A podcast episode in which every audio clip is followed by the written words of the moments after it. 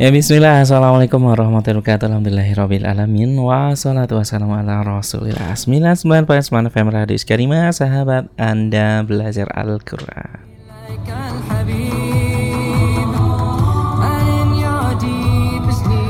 Ya, saudara di mana pun Anda berada, senang sekali ya saya Nusaid bisa kembali hadir. ya, Van, sedikit batuk ya.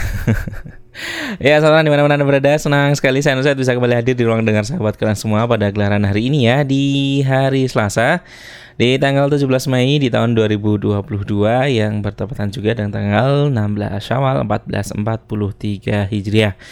Ya dan bagaimana kabarnya sahabat semua di kesempatan sore kali ini ya? Tentunya kami di sini senantiasa mendoakan agar sahabat kalian semua dalam kondisi yang sehat ya dan tidak kekurangan apa pun. Dan juga semoga sahabat kalian semua senantiasa dalam lindungan dan bimbingan Allah SWT. Amin amin ya robbal alamin. Ya, saudara uh, kembali Radio Iskarima ya menghadirkan program uh, kajian fikih ya, yang mana setelah libur untuk beberapa waktu kemarin ya, setelah lebaran kemarin, alhamdulillah kita bisa kembali lagi untuk melanjutkan membahas kitab Matan Abu Syuja ya. Dan uh, kitab ini adalah karya dari Al-Imam Al-Qadi Abu Syuja. Dan tentunya kitab ini ya, seperti yang sudah kita sampaikan sebelum-sebelumnya, kitab ini banyak dipelajari ya di Indonesia ya. Karena uh, dalam kitab ini banyak berfokus dalam madhab syafi'iyah. Dan tentunya uh, telah hadir narasumber kita di kesempatan kali ini adalah Al-Ustadz Wahyu Wahyu dari Prasto LC dan kita sapa beliau terlebih dahulu mungkin. Assalamualaikum Ustaz. Waalaikumsalam warahmatullahi wabarakatuh. Uh, takoboh minamangku yang tata. Insya Allah, bagaimana kabarnya Ustaz? Alhamdulillah. Alhamdulillah barakallah Ustaz. Sehat, Sehat. Alhamdulillah tadi uh, sedikit uh, batuk audio bertanya apa Ustaz. Ya, Masya Allah di bulan Syawal ini saat kita kembali bisa diperjumpakan kembali Alhamdulillah atas salah kuliah atas ya. Dan apa saat kita kan udah lama break ini saat libur saat lumayan. Lumayan saat ya. Berapa pertemuan? Tiga atau dua pertemuan saat apa nah, lupa saat ya saat dua pertemuan saat ya? Mungkin dua. Dua, dua. malah tiga oke. okay ya saat uh, Afan terakhir kita di bab apa saat Nah, agak lupa masih di Toharoh atau uh, masih di Toharoh. Toharoh namanya. Nah, nah, berkaitan hmm. dengan uh, menghilangkan najis. Mm, uh, begitu juga dengan hal-hal yang masuk dalam kategori najis itu apa saja. Nah, nah. Uh, terakhir uh, kita membahas berkaitan dengan bangkai yang tidak memiliki darah mengalir itu apakah nah, najis atau tidak. Oke, okay. masya Allah. Ya, dan uh, tentunya bagi saudara semua ya yang mungkin uh, kaget juga ya karena kami belum share ya seputar kajian sore ini. Apa sih? Dan tentunya kita masih akan lanjutkan kembali ya seperti yang sudah disampaikan oleh Ustaz Wahyu tadi. Monggo bisa dibuka ya untuk kitabnya yang sudah ready di kitab Matan Abu Sujaknya ya bisa dibuka uh, di bab Tuhar tentunya. Dan tentunya yang ingin bergabung yang punya pertanyaan ya monggo bisa disampaikan di 081 229 888 614 atau bisa juga di 0271 6980010. Ya dan saat uh, kemarin ada pertanyaan yang masuk nanti kita bahas insya Allah di uh, sesi berikutnya. Nanti ditanya jawab insya Allah akan kami sampaikan seputar puasa sal saat ini seminggu kemarin Nana dapatkan saat jadi uh, semoga yang bertanya juga masih mengikuti. Jadi bisa uh, menja- mendengarkan jawaban yang insya Allah akan disampaikan saat wahyu tadi. Ya dan saat monggo saat kami silakan waktu secukupnya untuk uh, mulai membahas materi kita di kesempatan sore kali ini. Tafadhol saat Bismillahirrahmanirrahim.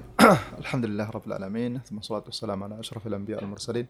وعلى آله وصحبه ومن سار على نهجه إلى يوم الدين أما بعد Alhamdulillah Rabbil Alamin uh, Bersyukur kita panjatkan kepada Allah Subhanahu Wa Taala Alhamdulillah pada kesempatan sore hari ini kita masih diberikan kesempatan untuk kembali uh, talabul ilmi ataupun membahas syariat-syariat Allah Subhanahu wa taala uh, tanpa ada halangan sama sekali masih uh, bulan Syawal ini uh, kami mengucapkan takabbalallahu minna kepada setiap uh, pendengar semuanya. Hmm. Semoga amal ibadah yang kita kerjakan pada bulan Ramadan semuanya diterima oleh Allah Subhanahu wa taala. Kemudian amin, kita uh, dijadikan termasuk bagian dari hamba-hambanya yang betul-betul bisa mengambil manfaat uh, dari bulan Ramadan tersebut. Amin, amin. Uh, kemudian ini juga masih bulan Syawal uh, yang tentunya pada bulan Syawal dimasyru'kan untuk kita melanjutkan ibadah yang sudah dilakukan pada bulan Ramadan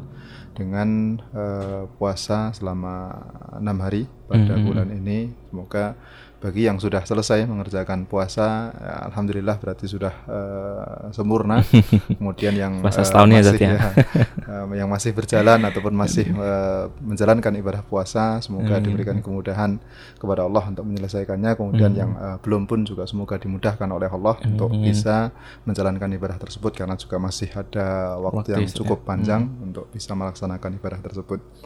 Uh, ala kulli hal alhamdulillah uh, kita bisa kembali membahas kitab yang sebelum-sebelumnya sudah kita bahas juga yaitu kitab Matan Nabi Suja masih dalam pembahasan kitab Taharah uh, terakhir sebagaimana tadi sudah uh, disebutkan kita membahas berkaitan dengan masalah uh, najis hmm. itu uh, apa saja kemudian insya Allah akan dibahas juga oleh beliau berkaitan dengan cara membersihkan dari najis, najis. tersebut terakhir yang mungkin kita bahas adalah uh, berkaitan dengan najis yang dimaafkan. Hmm. Najis yang dimaafkan yang sebelumnya kan membahas berkaitan dengan uh, najis ataupun ompol dari bayi laki-laki hmm. membahas uh, seperti apa hukumnya. Uh, kemarin kan kita bahas bahwa dia masuknya adalah dalam kategori najis yang mukhafafah ataupun diringankan oleh Allah.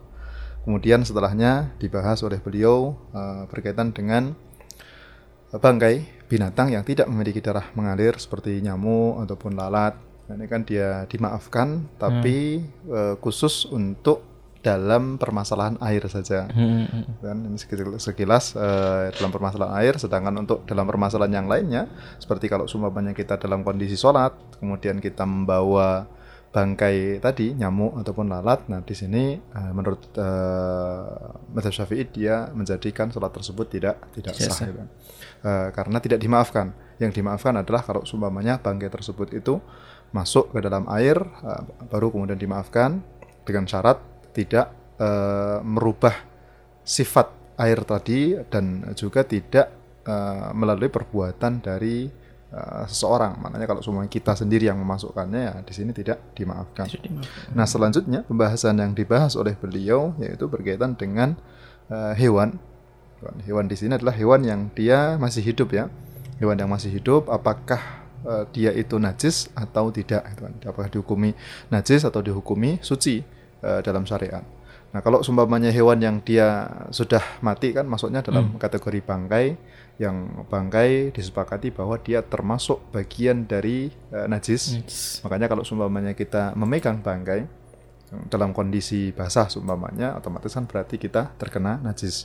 Kewajibannya adalah kita uh, mencuci tangan kita kalau sumpamanya kita memegangnya dalam kondisi dalam kondisi basah. Hmm. Nah, makanya uh, untuk hewan apa pun, hewan apa pun yang dia dalam kondisi mati yang menjadi bangkai tadi, maka dihukumi dalam syariat itu dia menjadi najis. Nah, sedangkan hewan yang dia masih hidup, hewan yang masih hidup, nah ini apakah dia hukumnya itu suci atau dibedakan antara hewan yang dia dimakan dagingnya atau tidak dimakan dagingnya, ataukah mungkin hewan yang biasa bersama dengan kita atau yang tidak hmm. biasa bersama dengan kita. Nah, ini disebutkan oleh beliau. Maka beliau menyebutkan, uh, beliau mengatakan wal hayawanu kulluhu tahir jadi seluruh hewan itu dia suci. Ya, ini hukum uh, pertamanya adalah uh, hewan itu asalnya dia seluruhnya itu suci. Pengecualiannya illal kalba wal khinzir. Kecuali anjing, kemudian yang kedua adalah babi. Hmm. Nah, sedangkan uh, ke, jadi seluruh hewan dalam kondisi masih hidup itu dia dihukumi suci. Hewan apa pun, entah dia itu hewan uh, buas ataupun hewan yang dimakan dagingnya, ataukah yang mungkin sering bersama dengan kita seperti mungkin kucing, kucing. orang yang punya ternak kucing ataupun mungkin uh, tikus gitu ya Kalau seumpamanya tikus lewat seumpamanya kan uh, apakah uh, menjadi najis atau atau tidak? Nah, di sini beliau menyebutkan ya dia hukumnya itu suci. Nah, Hmm, hukumnya hukumnya suci. Nah, kecuali dua hewan tadi. Yang pertama adalah anjing, yang kemudian yang kedua adalah eh, babi. gitu. Nah, anjing ini kan kenapa dihukumi najis? Secara eh, hadis kan Rasulullah SAW menyebutkan SAW. bahwa anjing itu kalau sumpamanya dia menjilat bejana, maka ataupun minum dari eh, bejana atau menjilat bejana, ini perintah Rasulullah SAW kita Sallallahu diminta untuk mencuci bejana tersebut itu sebanyak tujuh kali. nah, Salah satunya dengan tanah gitu kan, dicampur Hmm. dengan dengan tanah. Nah, eh, ketika air liur anjing ini dihukumi sebagai sesuatu yang najis karena kita diperintahkan untuk mencuci bahkan dicucinya itu eh, maksudnya adalah najis mughalladhah ya karena kan eh, diberatkan maknanya eh, ketika kita mencucinya pun tidak cukup satu kali eh, diperintahkan tujuh kali bahkan salah satunya hendaknya dicampur dengan dengan tanah. Nah makanya ketika air liurnya saja itu dihukumi bahwa dia najis. hmm, Nah, berarti di sini menunjukkan bahwa zat dari hewan tadi, badannya dan yang lainnya itu maka berarti dia najis. najis.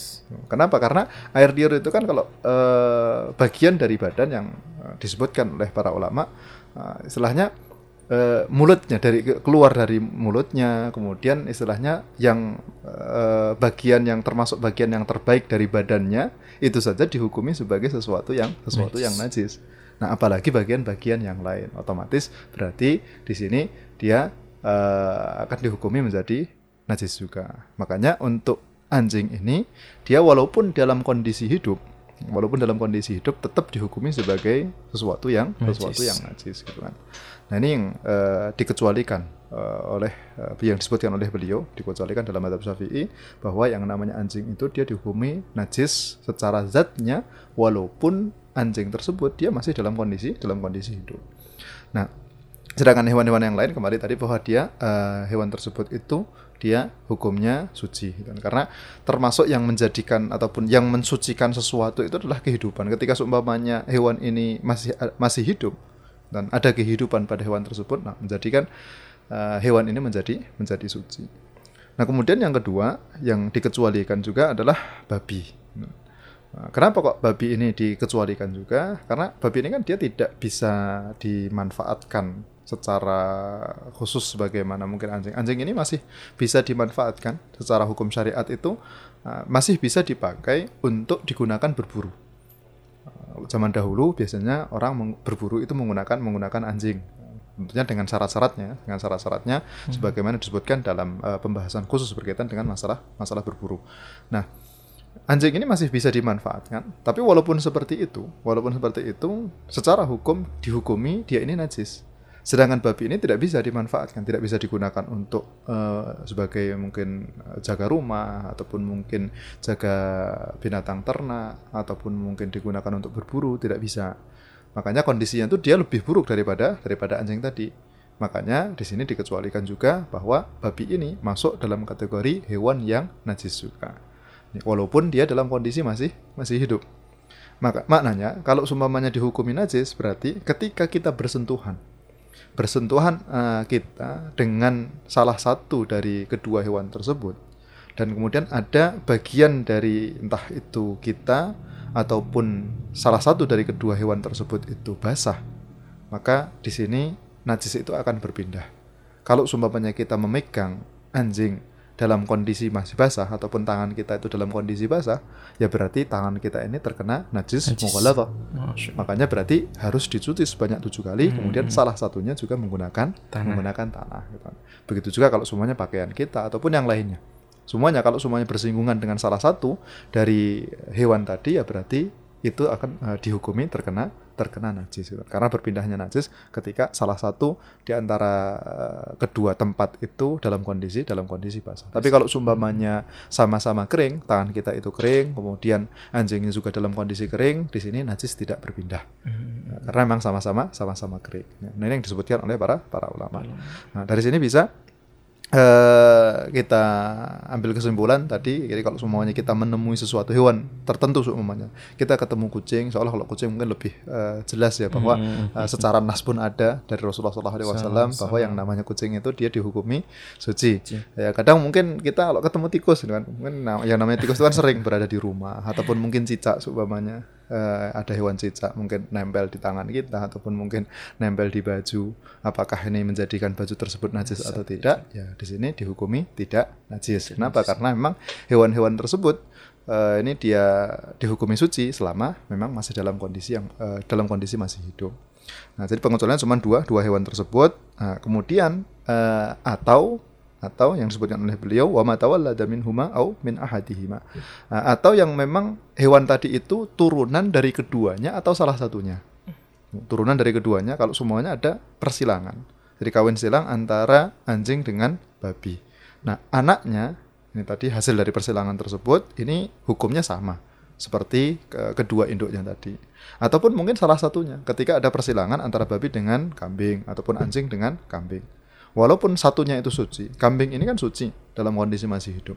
Tapi karena dia disilangkan dengan anjing ataupun disilangkan dengan babi, nah anak yang keluar ini maka dihukumi sebagaimana eh, anjing ataupun babinya. Jadi mengikuti yang lebih berat. Secara hukum mengikuti yang lebih yang lebih berat. Jadi tidak mengikuti yang lebih yang lebih ringan, jadi tidak tidak ngikut ke kambingnya yang dia dihukum suci tidak, tapi mengikutnya adalah ngikutnya ke anjing ataupun ataupun babinya. Nah ini eh, pengecualiannya hanya hanya itu. Nah kemudian selanjutnya beliau menyebutkan eh, ini berkaitan dengan hewan selesai dibahas oleh beliau. Eh, kemudian selanjutnya yang termasuk dalam kategori najis adalah dan wal maitatu kulluha najisatun. Setiap dari bangkai itu dia najis. Jadi bangkai semuanya. Bangkai itu kan eh, yang dia tidak disembelih yang hilang, maknanya hilang nyawanya tanpa sembelihan syar'i itu disebut sebagai eh, bangkai. Jadi kalau soalnya ada hewan yang dia mati, hilang rohnya eh, tanpa disembelih dengan sembelihan secara syar'i, ya berarti di sini dikategorikan sebagai sebagai bangkai. Seperti kalau seumpamanya ada kambing kemudian mati sendiri, berarti dia bangkai. Bangkai. Ataupun mungkin ti- disembelih tapi sembelihannya tidak secara syar'i. Ketika seorang menyembelih menyembelih tapi tidak sesuai dengan syarat-syarat sembelihan, kan? Eh, tidak terputus eh, jalur yang memang harus diputus ketika pas ketika pas menyembelih umpamanya.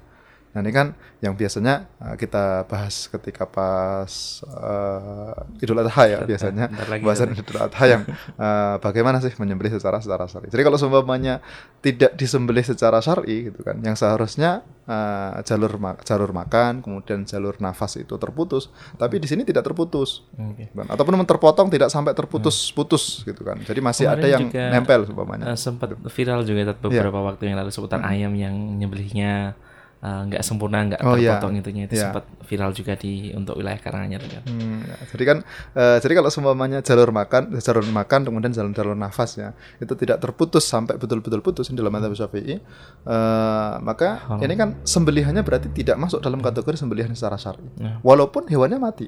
Nah, Jadi hewannya eh, mati, ini kan, eh, tapi sembelihannya tidak memenuhi syarat sebagaimana yang disebutkan oleh para para ulama. Maka di sini pun akan dikatakan bahwa hewan ini ya dia akan menjadi menjadi bangkai. gitu kan. Dikatakan menjadi menjadi bangkai. Nah makanya eh, tadi eh, kita sebutkan bang- bangkai itu kan hewan yang dia mati, gitu kan. Eh, entah mati sendiri ataupun mati tanpa disembelih dengan sembelihan yang sembelihan yang syar'i. Nah, Itu masuk dalam kategori bangkai. Nah, hukumnya disebutkan oleh beliau bahwa setiap dari bangkai itu dia najis. ya. Setiap dari bangkai itu dia dia najis. Kenapa? Karena suatu ketika itu kan Rasulullah SAW pernah lewat bersamaan dengan para sahabat. Nah, kemudian eh, di pinggir jalan itu ada eh, bangkai dari kambing, kan? Bangkai dari kambing. Kemudian Rasulullah SAW bertanya kepada para sahabat, eh, kenapa kalian tidak memanfaatkan kulit dari eh, ini bangkai ini, gitu kan? Eh, kemudian para sahabat menjawab ya Rasulullah, ini kan eh, bangkai. Gitu kan. Jadi yang dipahami oleh para sahabat adalah bahwa ini bangkai tidak bisa dimanfaatkan. Kenapa? Karena kan kulit kan biasanya dimanfaatkannya untuk ya entah itu digunakan untuk pakaian, digunakan untuk tempat minum kalau zaman dahulu. Nah, yang dipahami oleh para sahabat adalah ketika itu dikatakan uh, ketika Rasulullah menawarkan kepada beliau-beliau kemudian beliau-beliau mengatakan ini dia itu uh, bangkai ya Rasulullah dan Rasulullah pun tidak tidak menyalahkan uh, pemahaman para sahabat tersebut gitu kan tapi beliau memberikan memberikan uh, ilmu baru kepada para sahabat bahwa ini walaupun dia itu sudah menjadi bangkai tapi masih bisa dimanfaatkan gitu kan. Hmm. Masih di, bisa dimanfaatkan kulitnya dengan disamak. Ini kan sudah kita bahas dalam pembahasan berkaitan dengan menyamak kulit. Menyamak kulit. Nah, jadi dari situlah kemudian para ulama mengambil kesimpulan bahwa yang namanya bangkai itu dia hukumnya adalah najis. najis. Makanya dia uh, ya tidak bisa dimanfaatkan kalau seumpamanya dia dalam kondisi uh, dalam kondisi najis tadi itu. Nah, kemudian pengecualiannya disebutkan oleh beliau kecuali ikan. Hmm. Kecuali bangkai ikan bangkai ikan ini ya, hewan yang dia hidup di air ini kan nah, dia eh, ketika mati walaupun bukan eh, dengan cara disembelih ataupun mungkin bukan dengan eh, perlakuan kita jadi mati sendiri ini dia dihukumi hukumnya itu tetap suci kemudian juga yang kedua adalah belalang ini juga ya, dihukumi hmm. uh, dihukumi suci. Sebagaimana disebutkan oleh Rasulullah SAW, "Uhillat lana maitatan." Uh, Rasulullah ketika suatu ketika ada para sahabat yang mereka berada di laut kemudian ada air itu cuma sedikit. Hmm. Kalau seumpamanya menggunakan air tersebut digunakan untuk wudhu tidak bisa minum. Uh, kemudian bisa ndak nih berwudhu dengan air laut karena air laut kan beda. Biasanya itu berwudhu dengan air tawar ini kalau berwudhu dengan air laut kan rasanya asin. Nah, maka para sahabat itu tidak tahu apakah boleh atau atau tidak. Setelah sampai baru kemudian bertanya kepada Rasulullah SAW. Ya Rasulullah, kita kemarin itu naik uh, naik perahu, kemudian kondisi seperti seperti ini. Bisa nggak sih kita itu berwudu dengan air laut? Air. Kemudian jawaban Rasulullah SAW beliau mengatakan, uh, dijawabnya, eh, huwat tohu rumauhu alhil maitatuh. Uh, airnya itu dia suci. Nah, kemudian untuk bangkainya juga suci uh, dihukumi sebagai bangkai yang halal. Gitu kan. Hmm. Jadi dia dihukumi kalau semuanya halal berarti kan dia uh, suci gitu kan. Nah ini jawaban yang memang sering biasanya Rasulullah SAW ketika memberikan jawaban ditanya sesuatu tapi tidak hanya menjawab pada pertanyaan, pertanyaan tapi ada faedah baru. Nah. Jadi pertanyaannya kan berkaitan dengan masalah air. Airnya bisa digunakan untuk wudhu atau tidak? Dijawab oleh Rasulullah bahwa airnya itu suci. Bahkan untuk bang bangkainya pun juga dia suci. hukumnya hukumnya halal gitu kan dihukumi suci juga. Nah ini uh, dari situ kemudian uh, dalam hadis yang lain juga uh, disebutkan uhillat lana maitatan gitu. Kita dihalalkan bagi kita itu dua bangkai. Satu al-hud kemudian yang kedua adalah zarat yang pertama ikan kemudian yang kedua adalah belalang. Jadi jenis-jenis belalang itu uh, bangkainya dia dihukumi halal. Makanya kalau semuanya mungkin di beberapa tempat ada yang mungkin uh, jual uh, jual belalang ya itu kan. Kan di beberapa tempat ada mungkin di pinggir-pinggir jalan itu kan dijual uh, belalang itu ditangkapi kemudian dijual. Entah itu dikeripik ataupun mungkin dibuat apa gitu kan. Itu kan ada. Nah, cuman kalau mungkin di kebanyakan tempat di daerah kita mungkin jarang gitu. ya, tapi secara hukum aslinya dia halal-halal saja. Boleh-boleh saja untuk di untuk dimakan gitu kan. karena memang secara nas disebutkan oleh Rasulullah SAW bahwa dia hukumnya itu halal gitu. Kan. makanya boleh untuk di untuk dikonsumsi nah, tapi ya kembali kepada masing-masing kalau semuanya mungkin uh, merasa oh kayaknya mungkin belum pernah makan belalang semuanya mungkin uh, uh, tidak terlalu tertarik dengan belang ya itu sah-sah saja tidak masalah tapi secara hukum kan dia hukumnya itu suci walaupun dia sudah menjadi bangkai kan. dia hukumnya karena ini bisa dikonsumsi kalau sesuatu yang dia halal kan uh, jelas dia umumnya itu dia suci, gitu kan. Nah, beda kalau sumpamanya yang dia itu uh, haram ya. Kalau sumpamanya dia haram itu kan belum tentu uh, apa kalau sumpamanya dia itu haram belum tentu dihukumi bahwa dia itu najis gitu. Nah ini uh, satu tadi jadi yang seluruh bangkai itu dihukumi dia itu najis pengecualiannya adalah ikan. Kemudian pengecualian juga adalah dia itu belalang. Makanya kalau semuanya kita ngambil ikan yang dia sudah mati di air, maka terus habis itu kemudian kita taruh ikan tersebut. Setelahnya datang waktu sholat, kita ingin mengerjakan sholat. Nah, di sini tidak tidak ada kewajiban bagi kita untuk kita itu harus mencuci tangan kita, hmm. walaupun tadi sudah bersentuhan dengan ikan. Yang dia posisinya kan dalam kondisi masih basah juga. No, no. Nah, ini tidak ada kewajiban untuk kita harus men mencuci tangan kita baru kemudian kita mengerjakan sholat. Kenapa? Karena memang uh, ikan ini kan dihukumi suci. Begitu juga uh, belalang. Seumpamanya kita nangkap belalang. habis itu belalangnya mati terus kita kantongi nih kita nanti kita masukkan ke dalam kita masukkan ke dalam kantong habis itu entah lupa ataupun mungkin sengaja terus kita mengerjakan sholat dalam kondisi kita ngantongi, Ngantongi. bangkai belalang tersebut nah ini eh, secara hukum kan dia karena dihukumi suci ya dia tidak tidak masalah gitu kan. berbeda kalau seumpamanya kita ngambilnya adalah bangkai eh, bangkai lalat ataupun mungkin bangkai nyamuk yang eh, sebelumnya pernah kita bahas ini kan di sini dia bisa membatalkan membatalkan sholat kemudian yang ketiga yang dikecualikan juga dari bangkai itu adalah manusia itu kan jasad manusia manusia itu kalau seumpamanya dia meninggal rohnya sudah dicabut oleh Allah Subhanahu wa taala ini masih dihukumi sebagai eh, jasad yang suci. Umum mutlak. Entah itu orang mukmin entah itu orang kafir. Sama. Hukumnya jadi entah itu orang mukmin entah itu orang kafir maka hukumnya itu sama. Dia dalam kondisi masih hidup itu dihukumi suci kemudian dalam kondisi eh, sudah meninggal pun di, eh, juga dalam kondisi suci karena termasuk pemuliaan yang diberikan oleh Allah Subhanahu wa taala kepada kepada manusia secara menyeluruh itu eh, ketika Allah menyebutkan dalam firman-Nya walaqad karramna bani Adam Nah, ini eh, sungguh telah eh, kami muliakan Bani Adam. Ini kan termasuk pemuliaan yang diberikan oleh Allah kepada kita semuanya adalah dengan dijadikan jasad manusia itu dia suci. Walaupun dia sudah dalam kondisi meninggal.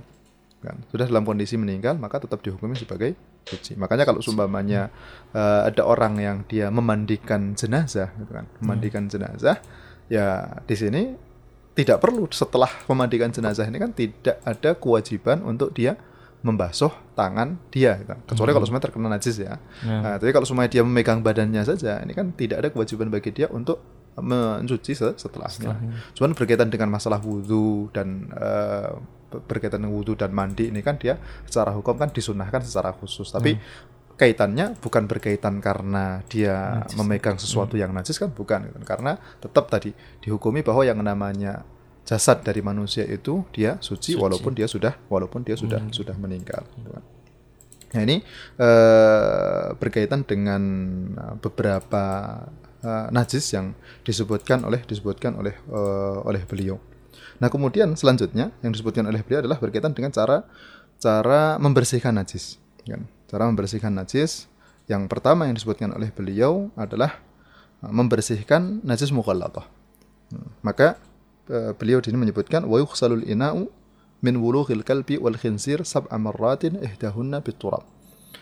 Nah, bagaimana cara membersihkan kalau sumpamanya kita terkena air liur anjing ataupun najis yang disebabkan dari anjing ataupun babi. Disebutkan oleh beliau di sini dicuci sebanyak tujuh kali, salah satunya yaitu dengan dengan tanah.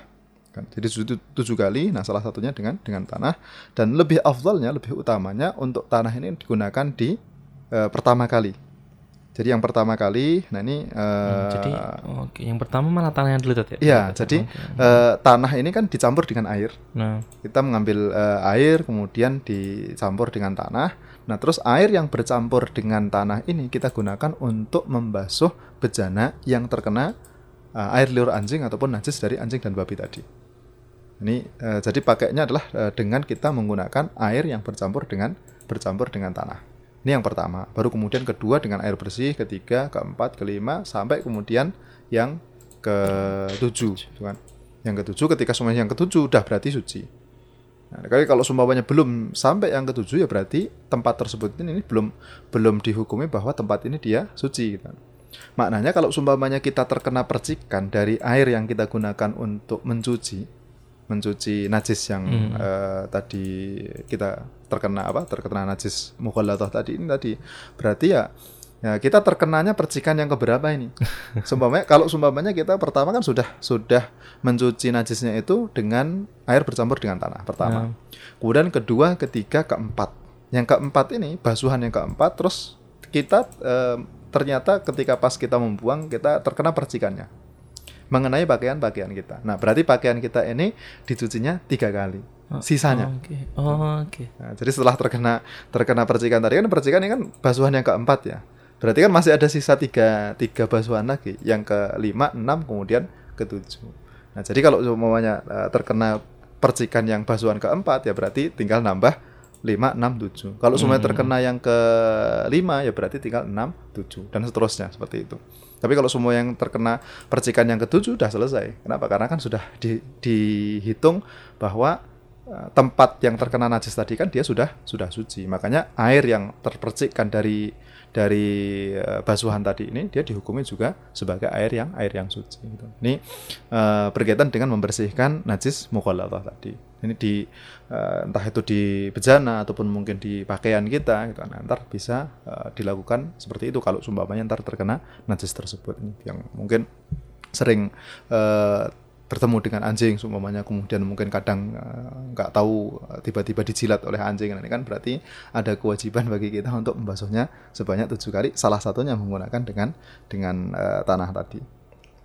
Nah kemudian uh, yang selanjutnya itu kan yang disebutkan oleh beliau sedangkan untuk najis-najis yang lain najis-najis yang lain itu cukup untuk dibasuh itu sebanyak satu kali cukup untuk dibasuh satu satu kali. Uh, cuman kalau sumpamanya dia membasuhnya tiga kali itu lebih lebih utama. Uh, jadi satu kali uh, dengan syarat ini hilang ya, hilang hilang najisnya. Beda kalau semuanya setelah dibasuh satu, satu kali kok kemudian belum hilang najisnya sebagaimana di awal dulu pernah kita bahas itu berkaitan dengan menghilangkan najis itu kan harus hilang tiga sifat kan sifat yaitu hmm. bau rasa kemudian warna nah mana yang dimaafkan dari ketiga ini kan dulu pernah kita kita bahas jadi kalau semuanya berkumpul uh, warna dengan uh, bau ini tidak dimaafkan. Karena kemudian kalau semuanya ada rasanya tok ini juga tidak tidak dimaafkan. Ya. Kecuali kalau semuanya mungkin dalam kondisi yang dia itu tidak memungkinkan ataupun dalam kondisi yang sulit. Gitu. Hmm. Ini dulu pernah kita bahas di awal pembahasan uh, toharah. Nah jadi kalau semuanya untuk najis yang lain selain dari najis yang mughalatah ini cukup untuk dibasuh satu kali. Ketika najisnya sudah hilang ya sudah itu dihukumi bahwa tempat itu dia suci, gitu kan? Dibasuh satu kali uh, kemudian tapi afdalnya adalah kalau semuanya dibasuh tiga tiga kali. Tiga. karena lebih suci hmm. jelas lebih suci uh, tapi bukan menjadi sebuah kewajiban. Sedangkan yang basuhan pertama kan ini wajib yang kedua dan ketiga nah ini dia hukumnya hukumnya sunnah sunnah. Jadi untuk menghilangkan najis itu uh, dengan dibasuh. Jadi dengan dengan dibasuh tidak cukup dengan diusap. Karena yang disebutkan oleh beliau adalah wayuh selalu mensairin najasa jadi dicuci tidak, jadi tidak hanya sekedar diusap. Kalau semuanya ada najis di meja semuanya ataupun mungkin di lantai. Terus habis itu kita usap menggunakan kain. Kita usap menggunakan sesuatu, ya berarti ini masih tetap dihukumi tempat ini najis. Kenapa? Karena memang belum belum disucikan sebagaimana yang diminta. Kan hmm. dimintanya untuk kita itu mencucinya. Nah, mencuci uh, seperti juga dengan uh, pakaian kita terkena najis. Habis itu kemudian kita jemur kita jemur sampai kira-kira najisnya itu sudah mungkin menguap seumpamanya. Nah, terus kita gunakan untuk sholat ya nggak bisa hmm. karena tempat yang tadi terkena najis ini masih dihukumi najis sebelum kita hmm. membasuhnya menggunakan menggunakan air sebelum kita mencucinya menggunakan menggunakan hmm. air jadi eh, bagaimana najis itu bisa hilang kalau seumpamanya kita mencucinya menggunakan menggunakan air nah ini yang disebutkan oleh oleh beliau jadi kewajibannya satu eh, sedangkan untuk yang eh, yang kedua dan ketiga ini dia hukumnya hukumnya Sun. adalah sun sunnah. Nah terakhir kemudian yang disebutkan oleh beliau ini uh, melengkapi pembahasan-pembahasan yang sebelumnya yaitu berkaitan dengan uh, khamr ketika seumpamanya dia berubah menjadi cuka. Okay. Nah, jadi najis yang dia ber, aslinya itu benda yang dia najis. Nah. Kemudian berubah menjadi benda yang lain. Apakah hmm. dihukumi masih sama najis atau tidak? Nah, ini disebutkan oleh beliau khamr itu kalau sumpamanya dia itu sudah berubah menjadi cuka maka dihukumi suci. suci. Dihukumi dengan uh, suci kemudian sedangkan kalau sumpamanya dia itu dirubah menjadi uh, cuka dirubah menjadi cuka dengan kita masukkan zat tertentu, dengan kita masukkan obat tertentu ataupun benda tertentu ke dalam khamr tersebut itu baru kemudian dihukumi ini walaupun sudah berubah menjadi cuka tapi cuka ini dia najis. najis. Hmm. Jadi syaratnya harus dia berubah dengan sendirinya. Mana berubah dengan sendirinya itu ya kita tidak memasukkan sesuatu hmm. ke dalam khamar tersebut. Jadi dibiarkan begitu saja sampai kemudian dia menjadi cuka. menjadi cuka, gitu kan. Baru kemudian dihukumi dihukumi uh, cuka tersebut menjadi cuka yang cuka yang suci. Ini pembahasan terakhir berkaitan dengan uh, ahkam najasat. Insya Allah mungkin kita cukupkan sekian untuk di kesempatan yang akan datang. Insya Allah akan kita bahas pembahasan yang lain. Insya Allah. Hmm, nah, ini mungkin wassalamualaikum Muhammadin wa ala alihi wa sahbihi wasallam. Ya, ya Ustaz Afan sebelum ke pertanyaan. Ini sebenarnya ada beberapa pertanyaan yang sudah masuk Ustaz. Namun sebenarnya saat kalau misalnya kena najis tadi Ustaz, nah, homer gitu Ya. misalnya saat nggak sengaja ada botol jatuh gitu. itu bersihnya juga disiram air gitu aja dah bersih Ya, sekali. Nah, kalau sumpamanya dia najis yang berada di tanah, najis yang berada di tanah, kita siram sampai kira-kira tanah itu bisa dominan, gitu. bisa menghilangkan najis yang ada di tanah tersebut. gitu kan. Kalau kena kulit sama Ustaz ya. Ya kalau kena kulit tinggal kita basuh, Bilas, kita bilas, kita sampai ntar kira-kira najis tersebut hilang. Itu sudah cukup. Ya. Iya, Ustaz. Ya, jazakumullah Ustaz atas uh, pembahasannya tadi Ustaz. Masya Allah luar biasa Ustaz. Dan uh, mungkin kita langsung ke pertanyaan saja Ustaz ya, Ya, karena ada oh, beberapa pertanyaan dan juga sudah di uh, 16.46. Semoga cukup nanti kita batasi dua pertanyaan dulu mungkin Ustaz. Uh, yang pertama ada Ibu Tari Ustaz di Klaten. Assalamualaikum, mau tanya Ustaz. Waalaikumsalam. Uh, seorang wanita ketika sedang beraktivitas di rumah seperti uh, menyapu, memasak dan lain-lain dan dalam keadaan tidak menutup aurat secara lengkap saat misalnya hanya pakai daster lalu kemudian kita menirukan atau mengikuti bacaan tilawah Ustaz atau surat Al-Qur'an Ustaz di radio misalnya. Dan uh, ini boleh atau tidak Ustaz? Dan kalau hanya sepotong-sepotong uh, tidak satu surat penuh itu bagaimana Ustaz? Mohon penjelasannya Ustaz. Syukran. Wassalamualaikum. Warahmatullahi wabarakatuh. Ya. Eh, bagaimana kalau semuanya saat tadi perempuan yang dia di rumah tidak memakai, tidak menutup aurat secara lengkap, eh, kemudian menirukan bacaan eh, tilawatul Quran. Nah, ini tergantung kalau eh, perempuan tersebut ataupun wanita ini dia dalam kondisi dalam kondisi suci, ya, Hmm. dalam kondisi suci tidak masalah Meniru- menirukan bacaan Al-Quran. Karena kalau semuanya tidak dalam kondisi suci kan, eh, maknanya tidak dalam kondisi suci itu ini kan eh, antar hadas besar dengan hadas kecil ya. Ya. Kalau semuanya eh, yang berhadas kecil, hadas kecil ini kan boleh saja membaca Al-Quran, tidak masalah. Yang tidak boleh kan memegang mushafnya. Hmm. Tapi kalau untuk membaca Al-Qurannya, bagi yang dia berhadas kecil boleh-boleh saja, tidak masalah. Tapi kalau semuanya mungkin dalam kondisi haid seumpamanya, nah ini baru kemudian tidak eh, tidak boleh. Walaupun mungkin cuma satu huruf. Selama meniatkan untuk membaca Al-Quran, walaupun cuma satu huruf di sini tidak tidak, Tidak boleh. Tapi sedangkan berkaitan dengan masalah menutup aurat, tidak menutup aurat secara penuh, tidak tidak masalah di sini. Karena yang disyaratkan ketika kita membaca Al-Quran adalah kita dalam kondisi suci, gitu kan. Eh, jadi untuk masalah eh, menutup aurat ini bagian dari adab yang lain. Kalau semua kita membaca Al-Quran ya lebih baiknya adalah dengan kondisi eh, aurat yang tertutup. Tapi kan di sini posisinya memang eh, menirukan beberapa tilawatul Al beberapa potongan ayat ataupun mungkin potongan-potongan kalimat eh, dari tilawatul Quran. Seolah tidak masalah, boleh-boleh saja. Allah taala. alam. Ya itu tadi jawabannya untuk Ibu Tari yang ada di Klaten ya. Kemudian ke pertanyaan berikutnya Ustaz ada Mbak Fitra di Sukarjo Ustaz. Assalamualaikum Ustaz. Waalaikumsalam. Izin bertanya Ustaz, apa apakah ada sunnah mandi selepas memandikan jenazah? Itu yang pertama Ustaz. Kemudian berikutnya di bawahnya beliau menambahkan Maaf Ustaz, bertanya di luar tema bila ada penyelenggaraan sholat Jumu'ah, sholat Jumat Ustaz, digabung dengan sholat asar karena suatu hajat. Misalnya ada walimah Ustaz. Apakah diperbolehkan Ustaz? Jazakumullah khairan Ustaz. Ya, baik. Eh, ya pertama ya berkaitan dengan sunnah memandikan- apa? Sunnah mandi. eh, sunnah mandi setelah memandikan jenazah ya.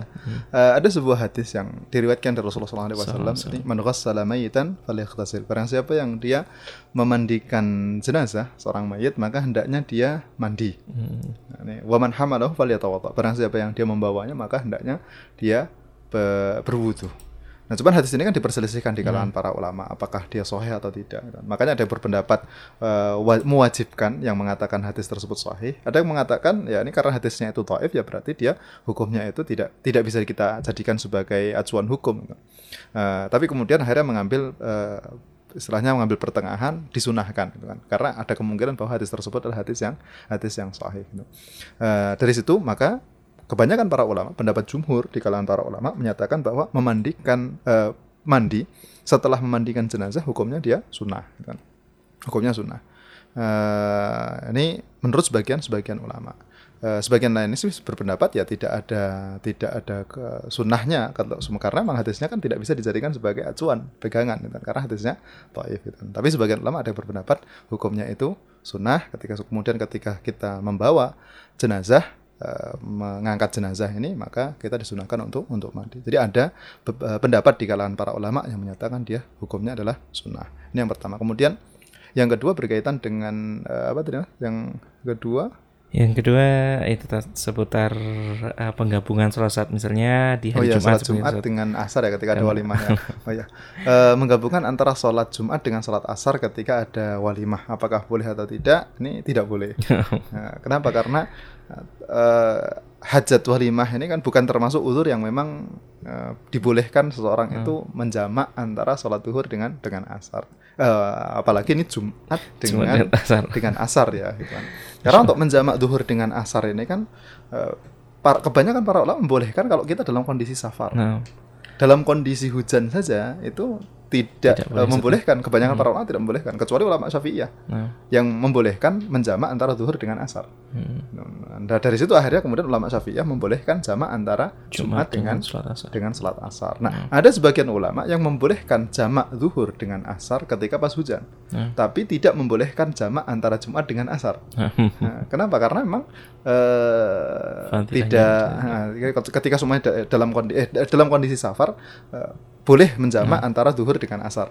Tapi ketika semuanya Jumat eh, pas safar mungkin sholat, sholat Jumat, nah ini tidak bisa menjamak antara eh, zuhur dengan zuhur dengan asar Hmm. gitu kan. Ketika semuanya pas pas safar. Jadi ala kulli hal eh, karena walimah ini kan bukan sesuatu yang memang harus eh, kita meninggalkan sholat Nah. sholat asar karena masih memungkinkan sholat asar itu kan waktunya juga cukup panjang sampai waktu maghrib Hmm, maka kalau semuanya kita meng- mengerjakan sholat Jumat setelah sholat Jumat mengadakan walimah kemudian walimah itu diadakan sampai jam 5 pun itu setelahnya kan kita masih bisa mengerjakan sholat sholat asar. jadi waktunya cukup cukup panjang kan. nah. Jadi untuk walimah kita mengadakan walimah dari ba'da duhur sampai jam 5 itu kan sudah sangat sangat Sangat panjang, panjang sekali. yang umumnya biasanya sih paling diadakan sampai sekitar eh, tiga jam sampai 4 jam biasanya.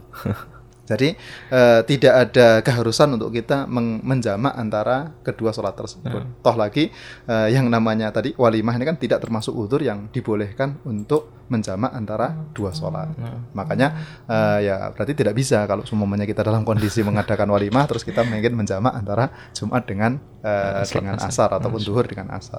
Allah taala alamin. Ya, dan Masya Allah kalau dipikirkan Ustaz ya serempet apa Ustaz bisa meninggalkan sholat kan kadang sih mungkin yang yang mungkin yang kadang repot itu kan kadang mungkin kayak uh, manten terutama manten perempuan. Karena kan mungkin sudah make upan dan dan sebagainya akhirnya kemudian datang waktu sholat. Kadang sih mau seperti itu mungkin. Itu yang beberapa kali mungkin uh, ada yang uh, bertanya adalah bisa nggak sih kita menjamak sholat kalau semuanya kita ngadakan acara uh, antara duhur sampai asar nih Terus dengan asar, padahal kan kita posisi sudah pakai eh, mungkin pakai pakai gaun, kemudian sudah pakai make up dan lain sebagainya. Apakah bisa menjamak antara eh, sholat duhur dengan dengan asar karena kita masih dalam kondisi tersebut? Gitu. ya Masya Allah ini Ustaz eh. ya itu tadi ya jawabannya untuk eh, Mbak Fitra yang ada di Sukarjo Jazakumullah sudah bergabung dan kita break sejenak saat nanti masih ada beberapa pertanyaan lagi saat namun kita istirahat sejenak. Dan tentunya bagi saat semua yang ingin bergabung masih kami tunggu. Bisa langsung eh, menghubungi kami di 081 229 888 614 atau bisa juga di 0271 698 0010 kita putarkan dulu beberapa uh, renungan yang berikut ini. Jangan ke mana-mana tetap satu bersama kami di 99.9 FM Radio Iskarima Sahabat Anda Belajar Al-Quran Ya, sekarang kembali lagi di uh, kajian fikir hadis karim di kesempatan sore kali ini masih bersama dengan saya Nosai dan juga narasumber kita yaitu Ustadz Wahyu di Chelsea. Dan kita langsung ke pertanyaan berikutnya dan uh, kita buka pertanyaan yang di minggu kemarin saat Afan saat ini di minggu pekan kemarin di hari Selasa juga tepatnya Anda masih ingat ada pertanyaan saat uh, bagaimana hukumnya jika kita menjalankan puasa Syawal namun belum lengkap saat misalkan lima hari tapi syawalnya sudah selesai saat bulan syawalnya apakah harus dikodok di bulan Dzulqa'dahnya atau bagaimana hukumnya saat jazakumullah khairan wa ya. Ya, eh, mengkotak puasa Syawal ya. Ya. Nah, bagi yang eh, berhalangan ataupun mungkin eh, belum bisa menyelesaikan puasa Syawal gitu kan karena ada hal-hal tertentu apakah dimasyurahkan untuk mengkodok atau tidak ini eh, banyak dari kalangan para ulama juga eh, menyatakan kalau semua memang dia belum selesai ataupun Hmm. eh, tadi karena ada uzur seperti tadi perempuan yang mungkin eh, setelah baru puasa habis itu Hmm. ternyata datang bulan belum bisa menyelesaikan puasa belum bisa menyelesaikan puasa puasa Syawal gitu kan. apakah dimasukkan untuk mengkodok? Banyak dari para ulama menyatakan ya tetap disunahkan untuk mengkodok, gitu. Mhm. walaupun mungkin di luar bulan Syawal. Nah, Jadi, walaupun di luar bulan Syawal eh, bisa untuk menyelesaikan puasanya. Tadi mungkin sudah dapat empat hari, kurang dua hari. Nah dua hari ini bisa dikodok mungkin di bulan Dzulqa'dahnya seumpamanya. Nah di bulan Dzulqa'dah dan Insya Allah eh, di situ menjadi pelengkap eh, supaya untuk dapat mendapatkan fadilah dari eh, dari eh, puasa, Puasa. Syawal tersebut. gitu. Walaupun di sini para ulama pun juga berbeda pendapat. gitu. Apakah ketika semuanya dia mendapatkan fadilah ini fadilahnya sama seperti ketika Di dikerjakan Syawal. pada bulan Syawal atau atau tidak gitu kan. Jadi ada yang mengatakan ya sama fadilahnya. Hmm. Toh ini kan uh, menyelesaikan ataupun mengkodok puasa yang uh, biasanya dikerjakan pada bulan Syawal. Jadi pada bulan Syawal ini uh, sebagian ulama itu melihatnya lebih kepada ya ini sekedar untuk memudahkan saja gitu. Hmm. Karena sebelumnya sudah puasa Ramadan selama satu bulan. Nah ini kan masih hangat-hangatnya untuk ketika mengerjakan puasa masih gampang. Nah, nah. Beda kalau semuanya mungkin sudah berlalu beberapa bulan, nah ini agak susah Agak untuk susah, mengerjakan puasa seumpamanya. Nah maka kenapa kok Rasulullah memerintahkannya pada Sama-sama. bulan pada bulan Syawal. Syawal. Nah, eh, sebagian yang lainnya ini khusus untuk bulan Syawal karena kan fadilahnya dikaitkan dengan eh, yang dia berpuasa pada bulan Syawal. Hmm. Nah, tapi bukan berarti kemudian menutup eh, kemungkinan untuk tidak bisa dilakukan selain bulan-bulan Syawal. Tapi karena eh, ini dikhususkan untuk bulan Syawal, maka ketika ada yang mengkodoknya di setelah bulan Syawal, maka secara fadilah itu tidak sebagaimana kalau seumpamanya dia mengerjakan di bulan di bulan Syawal. Nah ini banyak di kalangan para ulama yang berpendapat dengan pendapat eh, tersebut. Eh, ada juga sih di kalangan para ulama yang memang berpendapat bahwa tidak perlu untuk dikodok. Ya sudah dapatnya berapa ya sudah itu. Dan insya Allah tetap mendapatkan eh, pahala niatan untuk mengerjakan puasa Syawal tadi. Karena kan eh, dalam kondisi dalam kondisi udur gitu. Ketika memang dalam kondisi udur eh, tidak melakukannya ini bukan karena memang dia tidak mau melakukan, tapi kan sudah pengen melakukan tapi karena ada udur akhirnya tidak bisa menyempurnakannya. Maka tidak perlu untuk mengkodok. Tapi tadi banyak para ulama eh, mensunahkan untuk mengkodoknya. Jadi kalau mau mengkodok silahkan bisa-bisa saja. Insya Allah juga mendapatkan fadilah eh, sebagaimana ketika dia mengerjakan puasa pada bulan Syawal itu. Wallahu taala alam.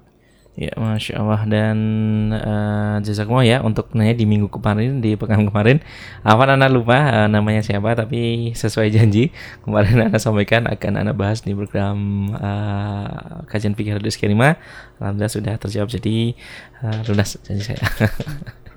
ya pada saat eh, itu tadi mungkin eh, pertanyaan terakhir yang bisa kita bahas di kesempatan kali ini Ustaz, karena sudah di eh, pukul 17 lebih 2 jadi sudah waktunya kita untuk pamit undur diri dari eh, ruang dengar sahabat kalian semua. Dan sekali lagi jazakumullah khair atas al- ilmu waktu dan apa yang telah diperjuangkan sampai ke sini tadi saat perjalanan bensin dan lain sebagainya. Jazakumullah khair Ustaz. Ya, eh, semoga mendapatkan balasan yang lebih dan eh, lebih banyak dan tentunya bisa dihitung nanti sebagai sebuah amal jariah dan eh, bisa dijadikan juga sebagai pemberat eh, timbangan antum nanti di yaumil akhir amin amin ya rabbal alamin. Dan saudara, eh, kami ucapkan jazakumullah juga untuk yang sudah bergabung di kesempatan kali ini atas eh, atensinya kami ucapkan jazakumullah khairan. Dan mohon maaf ya bila mana mungkin ada banyak kesalahan dan kekurangan di kesempatan kali ini Afajidan Kita tutup dengan hamdalah dan doa kafaratul majelis Alhamdulillahirabbil alamin. Subhanakallahumma wa bihamdika asyhadu an la ilaha illa anta astaghfiruka wa. Wassalamualaikum warahmatullahi wabarakatuh.